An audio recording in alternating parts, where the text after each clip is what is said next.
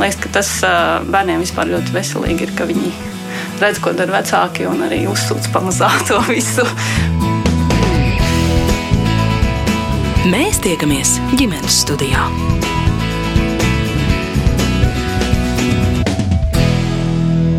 Labdien! Mani sauc Mārcis Notiņš, un es dodos ciemos pie stūrišku ģimenes.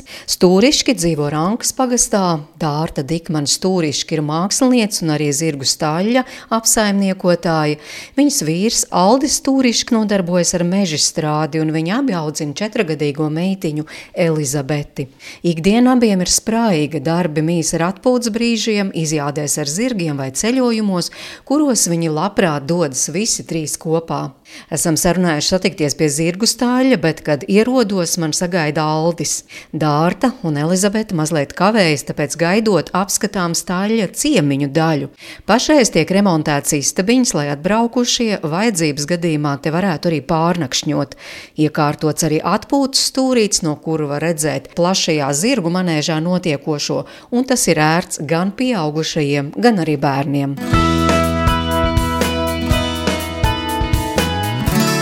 Te ir vairāk tā kā priekš tāda, nu, kad atbrauc un grib palikt, teiksim, vasarā, vai treneris atbrauc, patrenē un paliek. Mums tā ir, ka atbrauc kādreiz treneri, mm. patrenē, un te viņam ir tālu jābrauc, viņš labprāt kāds divas, trīs dienas paliek, pastrādā, un, un tad brauc mājās. Degviela dārga. Te ir tā, ka kādreiz kādas balītes grib uztaisīt vai ko, tad šeit uzklāja galdiņu, vai ko tur var paskatīties, kā pārējie cīnās ar zirgiem. Vai arī pareizāk sakot, nevis cīnās, bet jā. Un, nu, te ir tā lielā manēža. Šī, jā. jā, šī manēža. Un, un, un, ja vajag bērniem palikt kaut kur. Parasti tie bērni, kas ir slinkāki uz jāšanu, vai teiksim, kad viņiem apnīk, tad viņi atnāk un viņi skatās multines, spēlējās un kaut ko tādu. Un arī var palikt, mm. ja grib. Nu, bet faktiski šī ir jūsu dāvana sievai. Nu, mēs šeit abi kopā darām. Nu, bet, nu, nu, jā, nu, īstenībā jau tā bija. Bērnībā viņa šeit bija nodarbojusies ar zirgiem, un tad kaut kāda iemesla dēļ nu, tur tika pārdot citiem, un tā tālāk. Un tad nokļuvis bija pie bankas, un tad bija iespējas viņu nopirkt. Nu, un faktiski, jā, nu, drusciņi pārsteidza Dārta, teica, ka nu, mums tā ir stālis un ir arī kādi zirdziņi. Nu, viņa Atbrauca, bija pārsteigta, bija apjukusi. Bet, nu, protams, ka iepatikās, un tagad jau ir visu sirdi un dvēseli.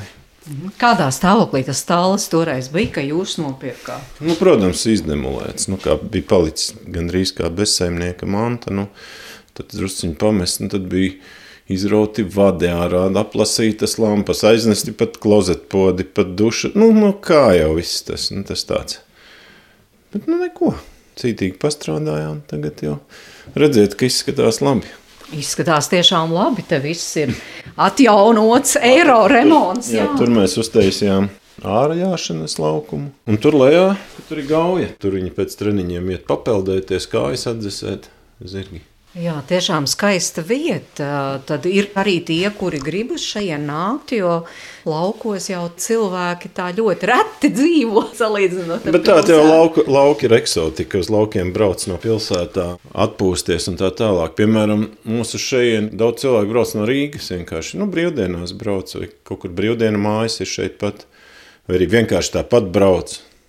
Tāpēc, ka ir cita atmosfēra, ir lauki, ir daba, ir putni, ir nu, brīvība.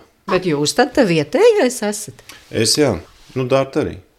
Ā, reku dārta laikam atbrauc, jā? Jā. Ar Elizabeti. Tad sagaidīsim un varēsim turpināt jā, sarunu. Te rokās. nu jā, būs ko darīt, kamēr mēs te runāsim. Nē, viņi arī jā, bet planšete ir planšete. Nu, tā tiek dota tikai atsevišķos gadījumos, kad kaut kad tā, bet nu, pie tās nedrīkst pierast. Dārta. Labrīt. Labrīt! Mēs jau sākām runāt, kamēr jūs gaidām. Sveika, Elizabete! Vēl agrs rīts, vai ne?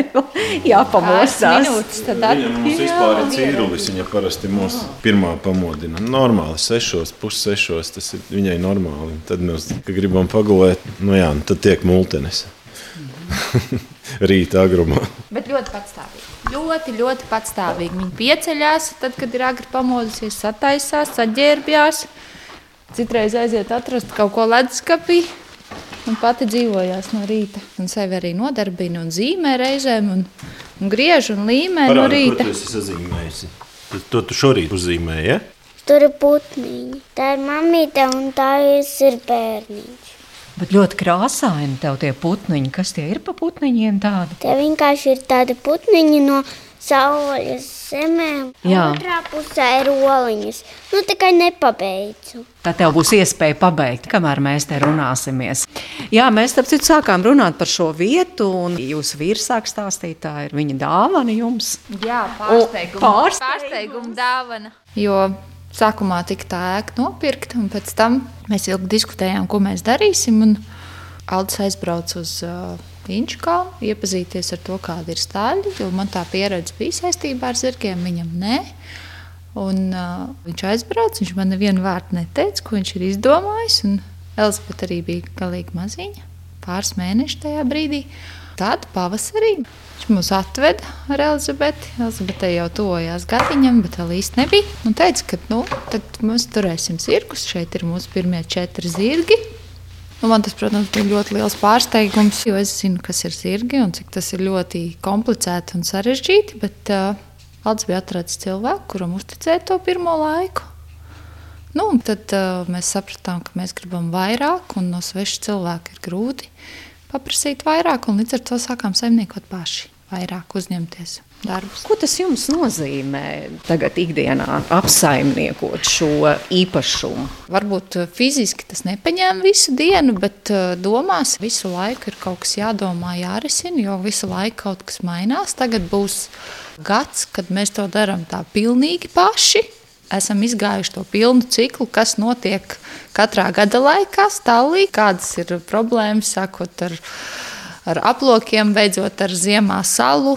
Es it kā visu to zināju, tāpēc, ka es esmu strādājusi, kad biju pusauģi gados stāvī, ilgstoši darījusi visus tos darbus, bet atsevišķi pa vienam. Un tagad ir tā, ka tev ir jāizdomā viss, ko kurā laikā darīt, un viss, ko tu dari pirmo reizi, vai pēc ilgāka laika, paņem vairāk spēka un enerģijas. Bet tagad, kad kaut kādas lietas jau atkārtojās, ir vieglāk.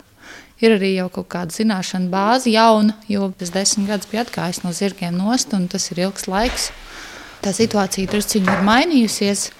Bet uh, man palīdz Aldis, tad, kad vajag kādas vīriešu darbus, un lietas un padomus.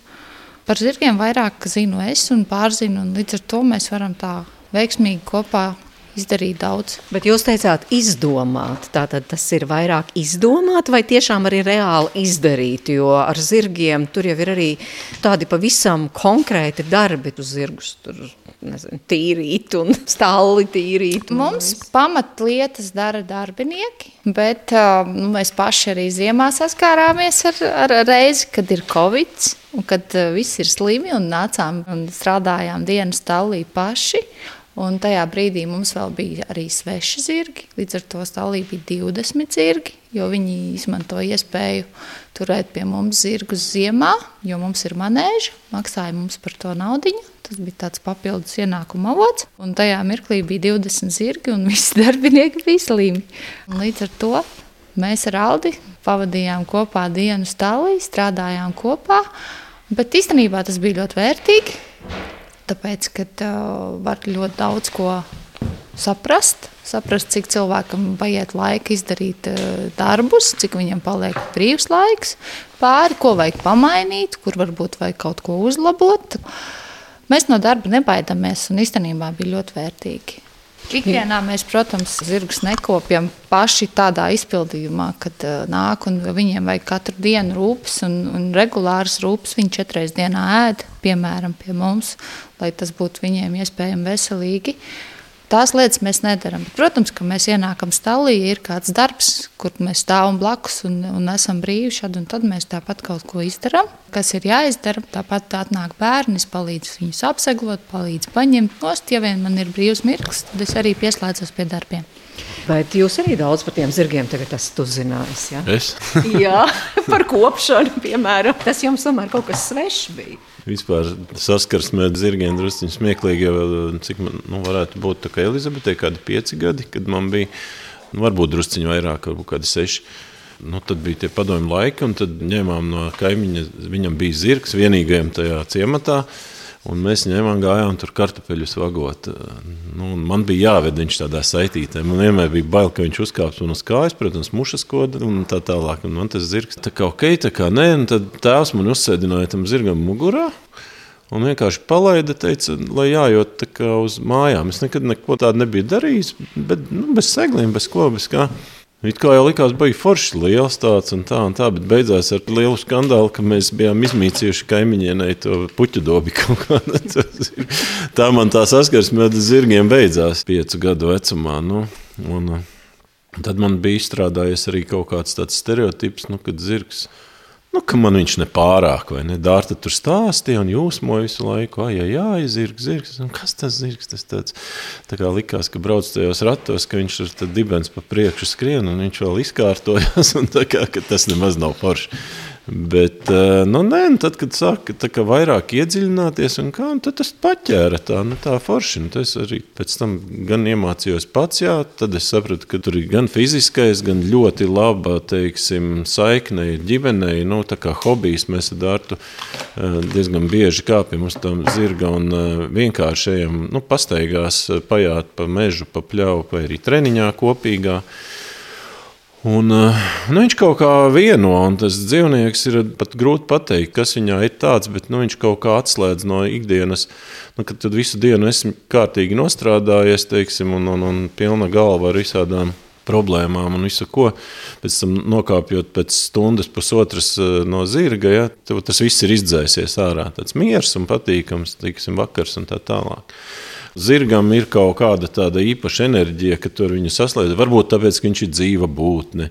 Tas nav tā kā ar mašīnu braukt un ka to vēl var padomāt. Tad tās domas ir vairāk veltītas viņam, dabai, teiksim, un kaut kam citam. Ja? No, nu, Un tā kā es ar viņiem esmu saradis, visi man viņi ir draugi, es viņiem māku aprunāties tīri labi, pa čomiskajam un tā tālāk.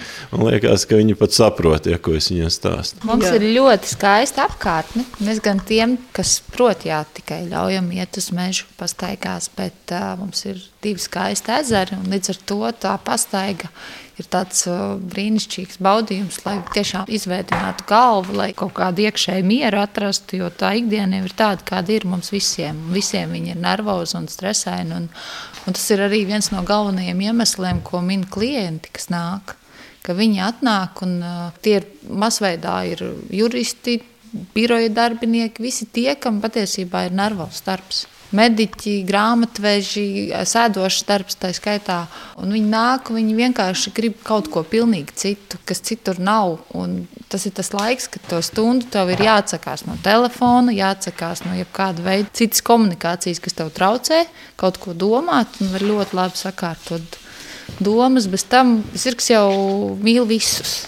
Viņš sagaida visus un, un ar prieku sagaida mīl tāpat kā mazs bērns. Skatās acīs un mīl vienkārši tāpat. Mm. Un to nevar uh, ne sajaukt, ne arī kaut kur citur iegūt, jo suns jau mīl savu saimnieku. Atšķirībā no zirga. Zirgs mīl to, kas nāk pie viņa ar, ar, ar labu sirdi. Un tajā pašā laikā zirgs sakārto cilvēku arī emocionāli, jo mēs varam visi atnākt un paglaudīt. Bet tad, kad gribās iemācīties, jā, ir arī jāsakārto sev iekšā. Jo zirgs ir kā spogulis, viņš atdarina cilvēku. Ja cilvēks baidās, zirgs baidās. Ja cilvēks ir uztraucies, arī zirgs ir uztraucies. Ja cilvēks ir slikti noskaņots, arī zirgs nav baigi traucīgs. Līdz ar to mēs, lai, lai varētu iegūt labākus rezultātus un kaut ko sasniegt, arī cilvēks sakārto savu iekšējo pasauli, bet tas notiek tā neapzināti, tas notiek tā brīvi, viegli, cilvēks izkustina gan ķermeni, gan arī prātu sakārto. Tas notiek bez piepūles, un tāpēc arī cilvēkiem tas patīk. Elizabete, tev arī ir savs zirgs? Tandijs un Amēlija. Tandijs ir ponijs, Amēlija ir zirgs. Un kāds Tandijs ir pēc rakstura? Tandijs ir paklausīgs. Nu, tikai visu laiku vilēja konflikts zirgu. Tad tu pati arī jāja ar to Tandiju. Jā, un arī ar Amēliju. Tev patīk? Patīk. Nu, kāda ir tā sajūta? Silta. Jā, redz, cik interesanti. Tas jau, ko tu zirdziņiem esi darījusi, kā tu vingroji zirdziņiem. Uz zirga stāvēju. Stāvēja kājās, kad zirgs apstājās, tad pie mums mazākie bērni. Viņi nevar stundu nojāt līdzīgi kā pieaugušies, tāpēc viņi vairāk vingro uz zirga. Tie ir tādi voltizēšanas pamati, kur bērni sēž, viņi ceļās kājās, viņi apgriežas uh, uz zirga muguras otrādi. Mēs tad uh, nesaglojam zirgu ar segliem, mēs liekam sedziņu un, un tādu speciālu siksnu, kur bērni var pieturēties ar rokturīšiem. Tad viņi izpilda dažādas vingrinājumus, līdzīgi kā jogā nedaudz. Vienkārši viņi darbojās gan tad, kad zirgs stāv, gan tad, kad zirgs soļo. Un tie, kas jau ilgāk, tad kāds arī kad, kad rīkšo, bet mazi bērni. 3, 4, 5, 7 gadi tādi bērni nāk un vingro.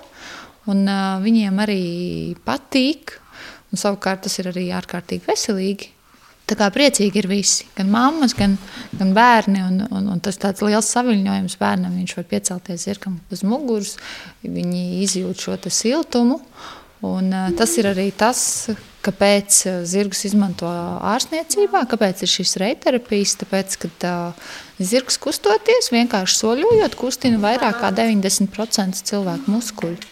Un, uh, tāpēc arī nostiprinās dažādi iekšējie muskuļi kuri citkārt ir ļoti grūti izkustināmi. Un eh, šie mazie bērni, viņi iemācās nebaidīties, iemācās līdzsvaru izjūtu.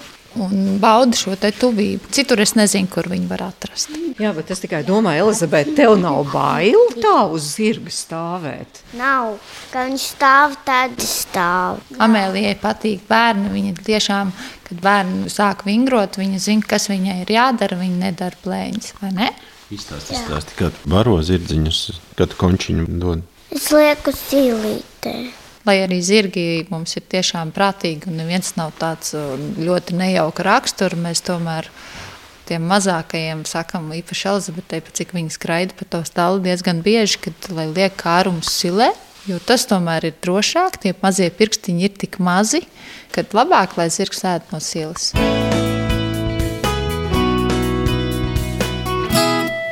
Dārta un Aldis vedina man tuvāk iepazīties ar zirgiem, kuri atrodas gan mūsdienīgos un ērtos zirgu boksos, gan ārā laukumos. Reku te viss inventārs, ķiveres, segli. Mūsu zvēriņi. Jā, šitais. Mikrofonu nobučoja. Čau! Čilī, kas mums ir? Čilī jaunākais mums sanāk, ja? Jā, Čilī ir trīs gadus vecs. Viņš šobrīd tiek apmācīts. Viņš drīz sāks nest jātnieku mugurā. Drīkst viņu, jā? Droši. Jā, viņš ir tāds saudabīgs, jo viņš ir šobrīd īsts pusaudzis. Viņš ir, viņš ir tāds jancīgs drusku šobrīd, jo viņš pats nesaprot īsti, kas ar viņu notiek. Viņš mainās. Nu, šitie visi jau ir tādi jau vairāk pieauguši. Jā. Kā jūs jau saucat? Kampēro. Šodien nejāša tevi. Kampēro ir universāls zirgs. Mums viss universālākais, jo ar viņu arī Elizabete no gadu vecuma. Viņš ir ārkārtīgi prātīgs. Eh, viņš pacieš pilnīgi visu, tā skaitā līgavu kleitas, un nebaidās ne no kā. Tā kā mēs uz viņu visvairāk varam paļauties visos, visos izpildījumos. Bet viņš tajā pašā laikā māk eh, arī lekt un, un strādāt un darboties. Viņš ir augumā paliels, bet ļoti, ļoti lādzīgs savā būtībā. Mēs varam iziet laukā arī pasteigt pēc. Nu, re, un tur tālumā ir arī Elizabetes pieminētais Dantīs. Tas krāsainais, melnbaltais ir Dantīs priekšā. Ja mēs paskatāmies viņa radu rakstus, tad viņā ir iekšā Velsas ponijas, Velsas kalnu ponijas, Ukraiņu jājam zirgs, tāpēc viņš ir tāds lielāks. Viņš ir ārkārtīgi ērts bērniem, jo viņam ir ērtas kustības. Ponijiem ir raksturīgi tādi īsi solīši, bet viņam ir ērti soļi un plaši, tāpēc, kad uh, ir šis zirga krustojums klāt. Un viņš ir ceturdaļa tinkers. Un tā ir tāda kā čigānu šķirne ir redzēta tādiem uh, pastaratiem. Viņi brauc un, mm. un parasti viņi ir pūkainām lielām kājām. Un tas viņa piemaisījums viņam ir devis krāsu, bet ne miesas uzbūvi. Viņš nav pārāk masīvs un nav tāds pārāk rupšs. Tā kā mēs par to esam priecīgi. Bērniem ļoti patīk tā krāsa, bet viņš ir normāli ponijam miesas būs, bet krāsu viņš ir aizņēmies no šīs šķirnes. Šis ir jūsējais, šis tiešām ir... milzīgs zirgs salīdzinot ar citiem. Šis ir mans.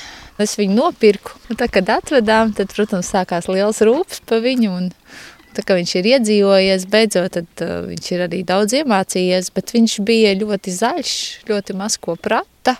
Sākumā es viņu saukāju par alni. Par cik viņš laikam nebija trenēts un tie muskuļi nebija tādi attīstīti, viņam arī tādām kā meža zvēram bija drusciņi tās, nu, tās aprises un tās ausis tādas diezgan lielas un, un pats liels, jā. Un, un, un viņam garšo skujas, protams, visu, ko. Bet pēc tam, kad jau viņš sāka veidoties, mēs nolēmām, ka vairāk viņu par alni nesauksim, tāpēc, ka vārds ar tomēr kaut ko iedod kaut kādu tādu. Un tagad viņu visi sauc, protams, par Rembrantu un, Viņš patiesībā ir ļoti, tagad, kad viņš ir atkopies, viņš ir labestīgs. Jā, viņš tiešām ir liels, viņam ir vairāk kā 1,80 m skaustā, tā ir mugura. Un kur nu vēl uzliekot seglus augšā. Protams, viņš nevizina tik daudz bērnu kā Amēlija, kur ir neliela augumā, jo vienkārši mazam bērnam viņu iedot ir stipri grūti, jo tas ir tā kā otrajā stāvā sēdēt. Bet viņam ir laba sirds un, un tas ir galvenais. Pareizi, Rembrandt, šis ir mans labākais draugs. Jā, starp citu, arī raidījuma laikā. Jūs esat tie, kas izvēlas dziesmas, kas jā, jums būtu bērnam, pie sirds. Bērnam, lai būtu, jā, tad, lai bērns ir priecīgs dzirdēt arī šo informāciju, tad noteikti, lai ir šī daudzas dziesmiņa. No multenes. Ledus sirds, ja? Jā, ledus sirds. Jā. Ledus sirds, tad Elzas dziesmiņa, jā, būs tā, ko Elizabete izvēlas.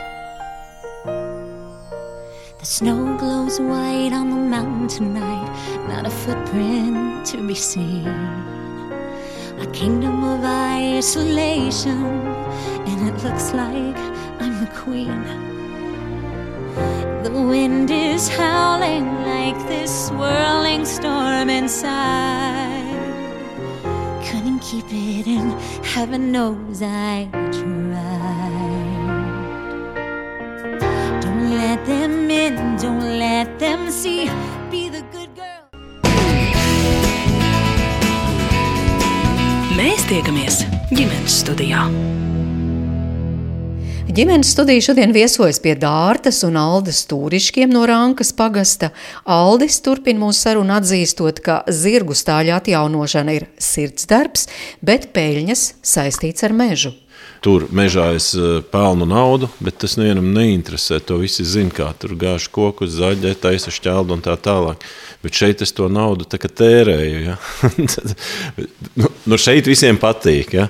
Mežā nevienam nepatīk. Bet, protams, visas tās lietas jāmēģina druskuļi sakārtot. Tāpēc Dārta ļoti, ļoti tam seko līdzi, cenšas ieviest kaut ko jaunu.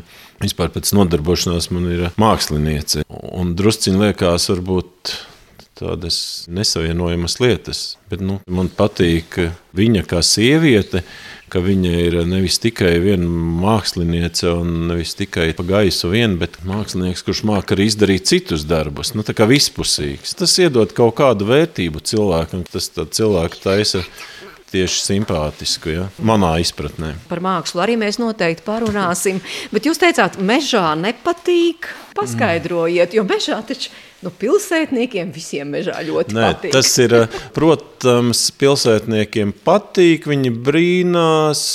Pat ir tā bijis, kad ienāk mežā un pēc tam izbrīnīti saka, ui, es tikai domāju, ka ir viens koku suga ozols, ja, bet izrādās, ka ir taču tik daudz koku sugas un tā. Bet nu, mežā tur ir faktiski tas melnais darbs, un viss nu, labi, skaisti savākties visam kolektīvam, atnākt sastādīt teiksim, eglītes, un tad safočēties, ielikt tīklos, un oh, redz, kā mēs tur rūpējamies, ko, bet tas nebūtu nav tā. Tur arī smags darbs, tur ir dienas, naktis, nešķirojot, kad lietus līst, nešķirojot, kad ir augsts, nešķirojot. Neko, ja. Bet šeit, kad atnāk uz zirga stāvā, šeit var redzēt to tā. Nu, kaut arī šeit apakšā visur slēpjas ļoti smags darbs. Ja. Es teiktu, ka uh, Meža meš saimniecība var būt gan labs piemērs, gan slikts piemērs. Ir cilvēki, kas ja nostājās ļoti diametrāli pretējos viedokļos, kad ir vieni, kas kliedz, ka zāģēt kokus nedrīkst. Nu, principā nedrīkst, un ir savukārt daļa, kas skatās uz mežu kā uz dārziņu kurā mēs izaudzējam kokus un novācam ražu un, un, un, un stādām jaunus. Es gribētu teikt, ka tā patiesība ir kaut kur pa vidu.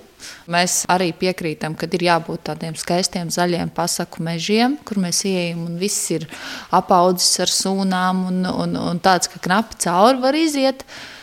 Bet Tam noteikti nevajadzētu būt nu, masveidīgi. Nu, tie ir vecie meži. Viņiem ir jābūt, viņi ir skaisti, bet uh, meža strāde var būt arī dabai draudzīga. Jo koks līdzīgi kā cilvēks, kādu laiku viņš aug, tad ir kāds laiks, kad viņš stāv uz vietas, jūtās labi, bet stāv uz vietas, un vienā brīdī viņš kļūst vecs un mazāk vērtīgs, ja mēs runājam par koku vērtību. Līdz ar to, ja to meža strāde veids tā cikliski loģiski pārdomāti un pareizi. Mežs var iedot daudz vairāk cilvēkam, kam pieder šis mežs, arī nenodarot dabai lielu kaitējumu. Tāpat kā mēs dārzu kopjam. Mēs kopjam dārzu, un dārzs ir skaists. Ja mēs viņu nekopjam, viņš arī stagnē un stāv uz vietas. Nu, kaut kas tur aug, bet, bet tas nav tā, ka tas viss plaukst un ir ļoti skaists. Es esmu par to, ka viņam tiešām jābūt, un es daudz kur staigāju un skatos. Nu, te ir pilnīgi bioloģiski. Nu, tāds, tāds, ka tur viņam būtu jāaug un vispār nekad cilvēkam tur nebūtu nekur jāmaisās iekšā, lai dzīvo vāveres, čūskas, eh, kukainīši un viss. Un viss. Bet, ne, bet tur ir uh, paredzēta meža saimnieciskā darbība. Viņš ir saimnieciskajos mežos ielikts un tāds, ka viņu pat lāgā nezina, kā viņu novākt. Vai tur ir krauja, vai tur ir purs, vai tur kas. Ja. Un tajā pašā laikā tādā vienkārši, kā Dārts saka, burkānu laukā, ja, kur audzē to mežu, tur ir ielikta nezinu, kaut kāda bioloģiskā vērtība. Nu, Tām lietām arī ir jāattīstās. Un, Jā, jā, likumdošana un visa sapratne par to. Nu, Viņa vēl veidojas cilvēkos. Tas ir jūsu biznesa, šī meža strāde, bet dārta to stāsta. Tātad jūs par to runājat savstarpēji. Mēs runājam, un uh, es esmu tāds uh, multicilvēks, laikam, jo zirgi tā ir uh, tāda bērnības mīlestība, kur ir pāraugusi tagad arī par ko vairāk. Es, uh, Esmu pabeigusi Mākslas akadēmiju, man ir maģistra grāts glezniecībā un, un gleznu restaurācijā, bakalaura grāts. Un Banku augstskolā. Arī skatījos. banku augstskolā. Jā. jā, man ir finanšu izglītība arī.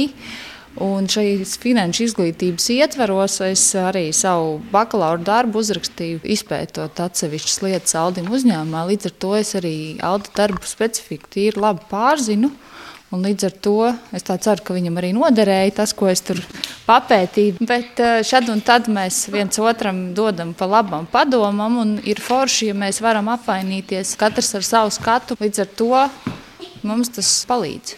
Jā, man ir, man ir atkal elektriķa inženieru izglītība. Jā, un, nu, labi, pa mežu ok, tur daudz tehnikas un viss pārējais. Bet, nu, Dārta jau mani tāpat tās vienmēr aicina. Mēs braucam kaut kur ekskursijās, vai kur tad mēs vienmēr ejam pa gleznu izstādēm, pa galerijām. Un, un, un es esmu atradis arī nu, un saredzējis tā, kad es pat dažreiz viņu bikstu. Es saku, nu, taču aizjām uz to galeriju, vai ne? ne nu, ir tādas, kur mēs abi divi saskatāmies, un sakām, nē, šeit mēs negribam. Nu, ir tās smagās teiksim, tēmas, kaut kādas. Uh, ir šīs abstraktās izstādes un abstraktā māksla, kur ļoti daudzi mākslas darbi šobrīd balstās tikai uz ideju. Un, ja ne tikai uz ideju, tad tur ir ļoti, ļoti jāiedziļinās, lai saprastu, ko mākslinieks ir gribējis pateikt, kā vēstījumu. Bet, uh, Bet man vairāk patīk arī jā, kaut kas acīm baudāms, un, un tāpēc es arī savā mākslas pieredzē teiksim, tā, cenšos strādāt pirmkārt labā garstāvoklī, jo ar kādu noskaņojumu mēs strādājam, tas paliek gleznā. Es ar to pati saskāros, kad man bija gadi 14. Es tajā laikā mācījos un dzīvoju Gulbenē. Un bija sadarbības projekts ar Silkeborgu, Dāniju. Mums kā trīs labākās meitenes no mākslas skolas arī aizveda šajā apmaiņas projektā. Mēs aizgājām uz muzeju, uz uh, izstādi. Es gan vairs neatceros nosaukumu māksliniekam. Bet es atceros darbu, pie kura mūs pieveda gidi un prasīja, nu, kā jūs jūtaties. Un tur bija uzzīmēts kaut kāds, nu, izskatījās pēc uh, abstrakta gaļa, nu, tāds kaut kāds briesmonēts. Un mēs stāvējām pie tās bildes, un, uh, un bija šausmīgi drūmi un palika pavisam slikti. Un tad tā gide mums jautāja, vai jūs saprotat, kas tur ir attēlots? Viņa saka, mākslinieks ir uzzīmējis tuberkulozi, kas viņu plosa un no kuras viņš netiek vaļā. Viņš ir izlicis visas savas dusmas un riebumu pret to slimību, kas viņu moka.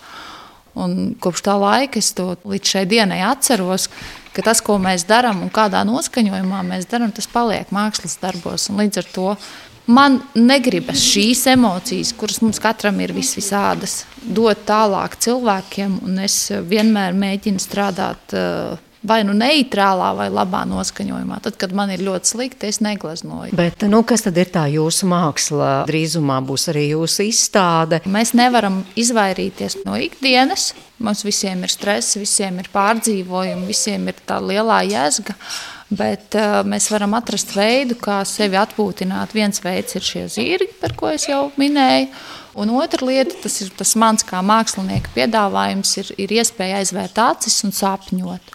Un, cik es pati esmu sieviete un par to domāju, ka sievietei mūsdienās tiešām jābūt tā tādam universālajam kareivim. Ir jāspēj kaut kas nopelnīt, ir jāspēj atrast laiks bērniem, ir jābūt skaistām, ir jābūt vienmēr priecīgām, smaitīgām un tā tālāk. Tad šajā izstādē es piedāvāju sapņu pasauli tāds paradīzes dārzs, kuros mēs varam nonākt vienkārši aizvarot acis. Un, uh, Mana iedomātā pasaule ir, ir tāda tiešām skaista dārza, kur vītaro putni, un, un ir skaisti ziedi, un ir ūdens čalvoņa. Un, uh, tas arī tiks attēlots glaznās. Būs ziedi, būs sievietes, būs abstrakta pasaule, kurā nonākt. Tas viss ir veidots daudzslāņu tehnikā. Tā ir tāda tehnika, ko izmantoja kādreiz, ko mūsdienās gandrīz uh, neizmanto, jo tas ir ļoti laikietilpīgi. Jo sākumā tiek uzgleznots, un pēc tam tiek likt virsū lazējumi, kas veido telpiskumu. Un, uh, tie ir uh, veco laiku paņēmieni, kurus šobrīd patiesībā, ja nav pastiprināta interese, arī nemāca. Un izstāde būs kur? Izstāde būs Stāmarienā. Stāprienas pilī. Tā ir tāda iespējams pēdējā iespēja apskatīt arī pili, tādu kā viņi ir šobrīd, jo pils ir pieteikusies Eiropas finansējumam uz renovāciju nopietnu. Un šobrīd, ja viņi saņem šo finansējumu, tad uh, vasarā pils tiks slēgta uz vairākiem gadiem. Vēl nav zināms, jūnijā būs atbilde, bet ja gadījumā viņi saņem šo finansējumu, tad pils tiks slēgta. Izstādes atklāšana būs 7. maijā. Tā kā visi laipni aicināti. Jūs uh, kritizējat vai kaut kā izvērtējat dārtas gleznas? Vai priecājaties par tām? Godīgi runājot, viņa man maz rāda viņas. Nezinu, kāpēc. Es dažreiz dusmojos par to, ka visi ir redzējuši, bet es neesmu redzējis. Droši vien iešu uz izstādi, jo šo to redzēšu pirmo reizi. Bet nu, tās ir viņas tiesības tā darīt. Nu, Šo to viņa ir man uzgleznojusi. Teiksim, tad, kad mēs sākām draudzēties, viņa man uzgleznoja harvesteru, kas man stāvēja visu laiku manā oficiālā, manā kabinetā. Un tad nāca konkurenti, teiksim, nu, dažādu veidu tie harvesteru ražotāji. Harvesters tas ir tas, kas zāģē kokus mežā, milzīgs traktors. un tad, eh, protams, ja, piemēram, harvesters bija Kamatsu, tad atnāk John Dīva pārstāvis, saka, kas tas tāds? Ņem viņu nost. Es saku, tu viņu vari iegādāties par jaunu harvestera cenu. Tad, nu, 500 tūkstošiem. Nu, tad visi tā kā drusciņi saraustās, bet nu, tā vērtība viņam aug katru dienu. Nu, katram tam uh, mākslas priekšmetam ir savs stāsts un, un, un, un, un sava vērtība. Un vai viņa aug vai viņa krīt, tas jau ir cits. Man viņa visu laiku aug, protams. -hmm, bet tad joprojām oficiālā pie sienas. Ja? Pašlaik viņš ir uh, nolikts uh, kā, renovēt. Tāpēc, kad mēs taisām jaunu oficiālu un, un, un, un tad plānojam pārvākties, un tad jau es dārtēs pieteicis, ka tur jau man ir tāda milzīga siena, tas tāda vecais kultūras nams bija, kur es saku, šeit noteikti man vajadzēs veselu lērumu taviem darbiem. Nu, mums ir ļoti daudz mājās tādas gleznas, un tad es viņas šeit, tad šur tur uzlieku. Es zinu, ka es savā sporta zālē esmu uzlicis tur viņa tādus vīriešu torsus un ķermeņus, tur tādus zīmējus ir un milzīgā lielumā, un tad tādus četrus esmu salicis, visiem ļoti patīk. Kamēr mēs te runājam, tikmēr Aldis.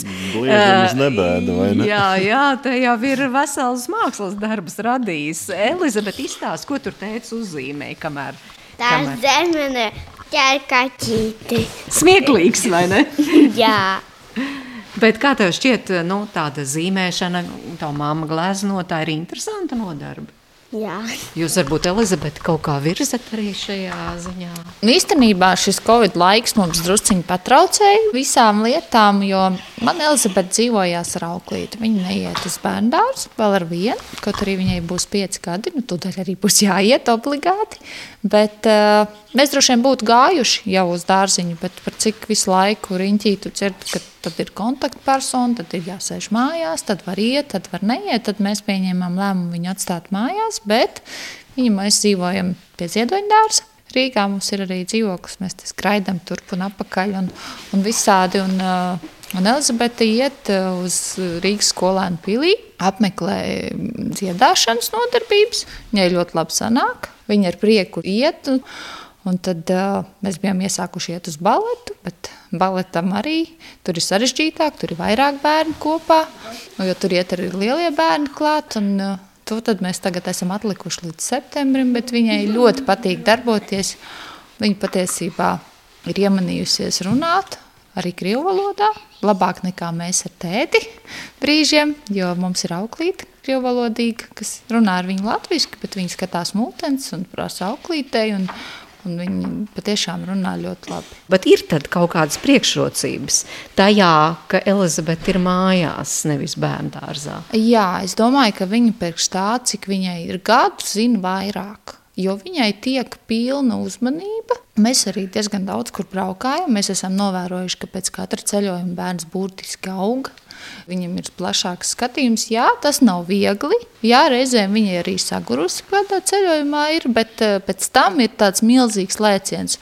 Nu, sākot ar to, ka viņai bija seši mēneši viņi iemācījās sēdēt un stāvēt vienā nedēļā ceļojuma laikā. Tas, protams, varbūt arī nav šausmīgi veselīgi priekš kājām, bet viņi bija tieviņi un, un ar to viss bija kārtībā pēc tam, bet, bet tie lēcieni bija tādi nu, izteiksmīgi lieli un mēs ar viņu visur vedam līdzi un, un viņi attīstās savādāk, es teiktu. Nu, bet tā socializēšanās citiem bērniem? Viņa iet uz šīm nodarbībām. Viņai tur ir iespēja socializēties, un viņa iet arī dzīvojās katru dienu uz parku. Tur viņai ir savas draudzenītes. Brīži vien krievu meitenītes, jo tās ir atvērtākas. Es smējos, kad mums auklīt ir ar citām asinīm. Viņa ir brīvāka, viņas kopā spēlē pludmali mājās un sauļojās un, un spēlējās un fotografējās un dejo pa māju. Tas ir tas, kas manī īsti nav iekšā. Es esmu stīvāka, kautrīgāka. Viņa saņem to no, no cita cilvēka un, un viņa ir ļoti atvērta. No, problēma viņa aiziet, iepazīstās, ja atrod, redz, kad ir bērns līdzīgs viņa vecumam Viņi uzreiz aiziet, iepazīstās, un, un, un vēl ka viņi uz kādu spēli vai kaut ko. Bērndārs ir laba lieta. Nevar noliegt priekš vecākiem, ir viegli un tā. Bet drusciņi mēs arī domājam par to, ka bērndārs mazliet bērnu ieliek, nu, kā saka, kaut kādā nu, savā rāmītī visi dara tā. Bet viņas brīvību varbūt drusciņi ierobežo vai ko. Šeit viņai ir vairāk iespēja saka, izpausties. Un šobrīd Es neredzu iemeslu, par ko es varētu teikt, ka viņi kaut ko ir zaudējuši dzīvojoties pa māju. Es drīzāk domāju, ka viņi ir uh, tikusi tālāk dažos jautājumos nekā citi bērni, kas Pat iet dārzā. Es neiedot uh, planšetes brīvību. es, es no rīta baros. Es teicu, ka ir planšete rokā. Es saku, labrīt, planšete. Un tad jādusmojas. Tā ir. Elizabete, patīk tev planšete? Ko? Patīk. Patīk. Ko tu tur dari tajā planšetē? Spēlēju spēles. Un tur ir daudz spēļu. Man patīk visas. Bet kā tev šķiet, kas ir interesantāk? Zīmēt vai spēlēt spēlītas planšetē? Abas. Pazīmēt, un tad planšeti vai otrādi? Otrādi. Aha, nu, jā. nu vismaz godīgi. Jā, nu tas ir tas mūsdienu bērnu un arī mūsdienu vecāku liels izaicinājums. Mums ir tā, ka tā planšeta ir nesen. Protams, tas ir kaut kas tāds ļoti interesants. Mēs gan diskutējam, cik daudz viņu iedot, jo Nu, nav nekāds noslēpums. Man liekas, ka bērniem mūsdienās aizmukt no tehnikas nav iespējams. Tā pašā laikā nevajadzētu, ka tas bērnam pārņem visu ikdienu un viņam tomēr būtu iespējams daudz jādara ar rokām. Es arī pamācījos Mākslas akadēmijā ar pārtraukumu. Ļoti atšķirīgi cilvēki pa gadiem nāk. Jo tuvāk tehnoloģijām, jo vājāka viņi ir prasmēs. Nu, tajā brīdī, kad es stājos uz gleznu restaurāciju, bija milzīgs konkurss. Mēs bijām seši uz vienu vietu. Tad, kad es jau stājos nākamreiz, tad mēs bijām trīs uz vienu vietu. Kaut gan glezniecība tur ir liels konkurss, kā, bet tās spējas, ko cilvēki rāda, ir vājākas. Arī glezniecības restaurācijā mēs par to runājām, kad arī skolotāji saka, ka ir šausmīgi grūti strādāt. Jo Tev ir programma, kur ir jāizpild, un tu redzi, jo jaunāki nāk cilvēki, jo viņi nāk nesagatavotāki, jo viņi ļoti maz darbojas ar rokām. Viņi maz strādā, viņi ir prasmēs vājāki, jo mēs visi gribam nospiest podziņu un lai viss būtu gatavs. Bet šīm eh, darbam ar roku ir vajadzīgs milzīgs treniņš. Nu, varbūt tādā ziņā jūs esat tā privileģēti. Jūs tomēr dzīvojat daļai Rīgā, bet daļai arī laukos. Un Elizabetei arī ir tā lauku dzīve, kas varbūt daudziem pilsētā dzīvojošiem vispār nav. Nu, jā, viņi zina, kāda ir gotiņa, no kurienes nāk piens. Omītēm mums ir vēl ar vienu trusīši un aitas un, un vistiņas. Un viņi šo te visu redz. Bet uh, mēs te uz lieldienām mēs, uh, bijām aizgājuši līdz vietējai kafejnīcai, kas mums šeit pat blakus ir. Pavizinājām gada tirgu bērnus.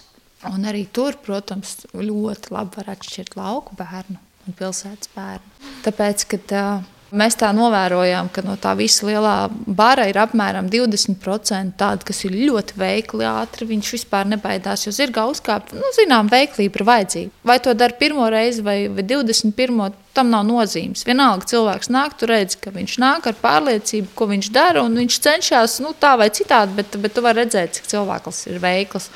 Un, uh, un tad ir tādi apmēram 60% tādi vidējie cilvēki. Un 20 ir tādi, ka viņš nevar pacelt augstāk kāju par celi. Tu nesaproti, kā tas ir iespējams. Un tā ir, man liekas, ir mūsdienu milzīga problēma. Tā ir planšešu problēma. nu jā, kas tur pie omītes, kāda dzīvnieciņa tev ir pastāstīta? Man gailis ieknābāja. Kā... Tev ieknābāja? Gailis. Kāpēc? Nezinu. Bet kāda tur vispār dzīvnieciņa ir tavai omītei? Vīstiņas, aitiņas un trusīši. Un sunīši un kaķītis. Bet tu kaut kā palīdzi arī omītei? Barot, kā tu palīdzi? Aiznesu ārā un pabāzi. Un ko, piemēram, trusīši ēd? Burkāns. Zāli? Jā, zālīti. Jums arī ir sava saimniecība? Mums nav sava saimniecība. Mums bija suns, bet uh, pat divi suņi. Bet viens, viens no vecuma vienkārši aizgāja. Vienam kaut kāda kaita bija, ko mēs nesapratām. Un tad mums palika voljērs liels. es jau smējos, es teicu, tam man tādā jāsāk tīteri turēt.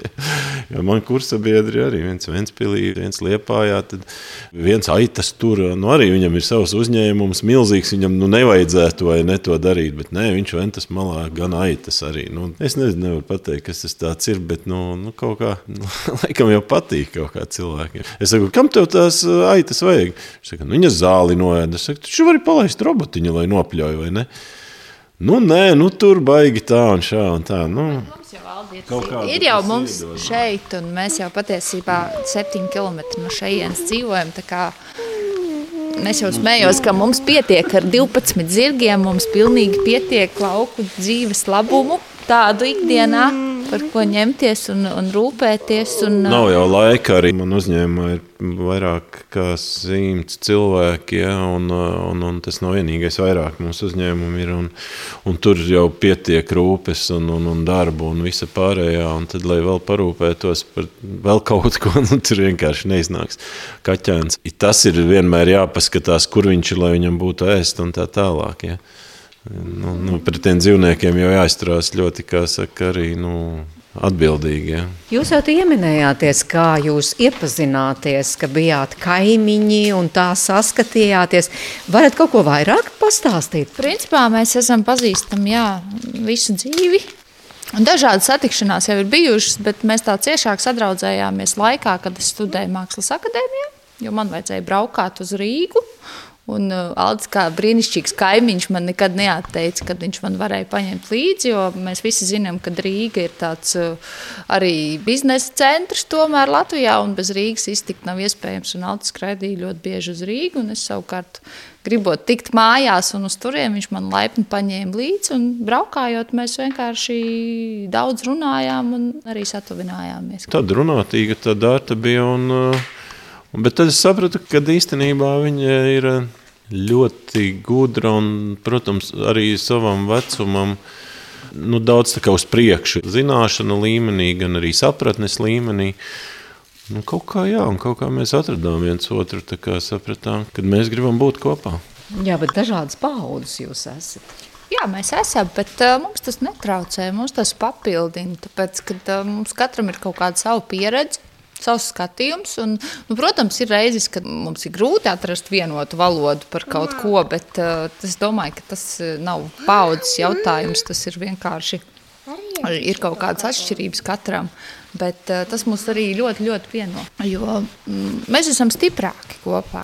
Jo mēs esam atšķirīgi. Tomēr mēs jau esam diezgan ilgu laiku kopā. Mums pavisam drīz, maijā, līdz ar Elizabetes dzimšanas dienu, kas ir vienā dienā, ir septiņu gadu kāzu jubileja. Tas nav gluži vakar, mēs jau esam, protams, arī vējušies kopā un viens otru pazīstam. Un, un esam jau palikuši līdzīgi. Un tās blakus lietas, kas nav līdzīgas, tās ir tās stiprās puses. Mēs to tā skatāmies. Mums abiem ir diezgan stipri raksturi. Tā kā mums nepārāk patīk piekāpties viens otram, bet mēs runājam. Mēs runājam, pārspriežam, izspriežam, un, un, un tad mēs tiekam līdz kaut kādam tādam pareizam kopsaucējam. Un īstenībā tas ir interesanti, jo kārtīgi iedziļināties otrā, ko viņš ir domājis, kā viņš to redz, kā viņš to saprot. Tas nav viegli, es teikšu, godīgi, bet tas ir interesanti. Jebkurā gadījumā tas ir visu laiku kaut kāds darbs ar sevi, un uh, mēs esam pie tā nonākuši, ka ir svarīgi strādāt, lai tas rezultāts būtu. Jo mums ir kopīgi mērķi, kopīgas domas, un, protams, ir kaut kādas darba lietas, ko mēs risinām, lauzam galvu un tā tālāk. Bet uh, mūs vieno arī kopīgi interesi par ceļošanu, par kopā būšanu. Mēs esam kāpuši kalnos un remontējuši tā skaitā kondensators, vēja ģeneratoram sēdējuši abi divi tā. tā kā, Nu, es nezinu, mēs esam tāds lielums, ko nevar atdalīt. Un, kā jūs tā kopā, vai tā, vai šitā. Bet, uh, tas ir tāds, ko grūti nosaukt vārdos, kāpēc. Mēs jūtamies ļoti labi viens otru kompānijā. Mazā princese, protams, ir izlutināta, mīlēta un mums ļoti, ļoti svarīgi abiem diviem. Mēs darīsim visu, lai viņai izaugot, būtu skaista un gudra meitene. Un, Un tas ir mūsu galvenais uzdevums, droši vien, ko izveikt kopā, vissvarīgākais šobrīd. Bet, uh, bet mēs paši jūtamies pilnīgāk, kad esam abi kopā. Ar kādu dziesmu mēs varētu šo raidījumu beigt? Man vislabāk zīzītops patīk, un Elizabetei arī. Lai ir tāds no zīzītopa. Nu, labi. Paldies Dārtai, Aldim un Elizabetei Stūriškiem. Radījuma producente Ilze Zvaigzne par labskaņu rūpējās Nora Mitspapa. Radījuma viesu izvēlētās dziesmas sameklēja Girds Biša, bet pie mikrofona biju es, Mairita Znotiņa. Paldies, ka klausījāties! If you're down in a cunya and you ain't up to being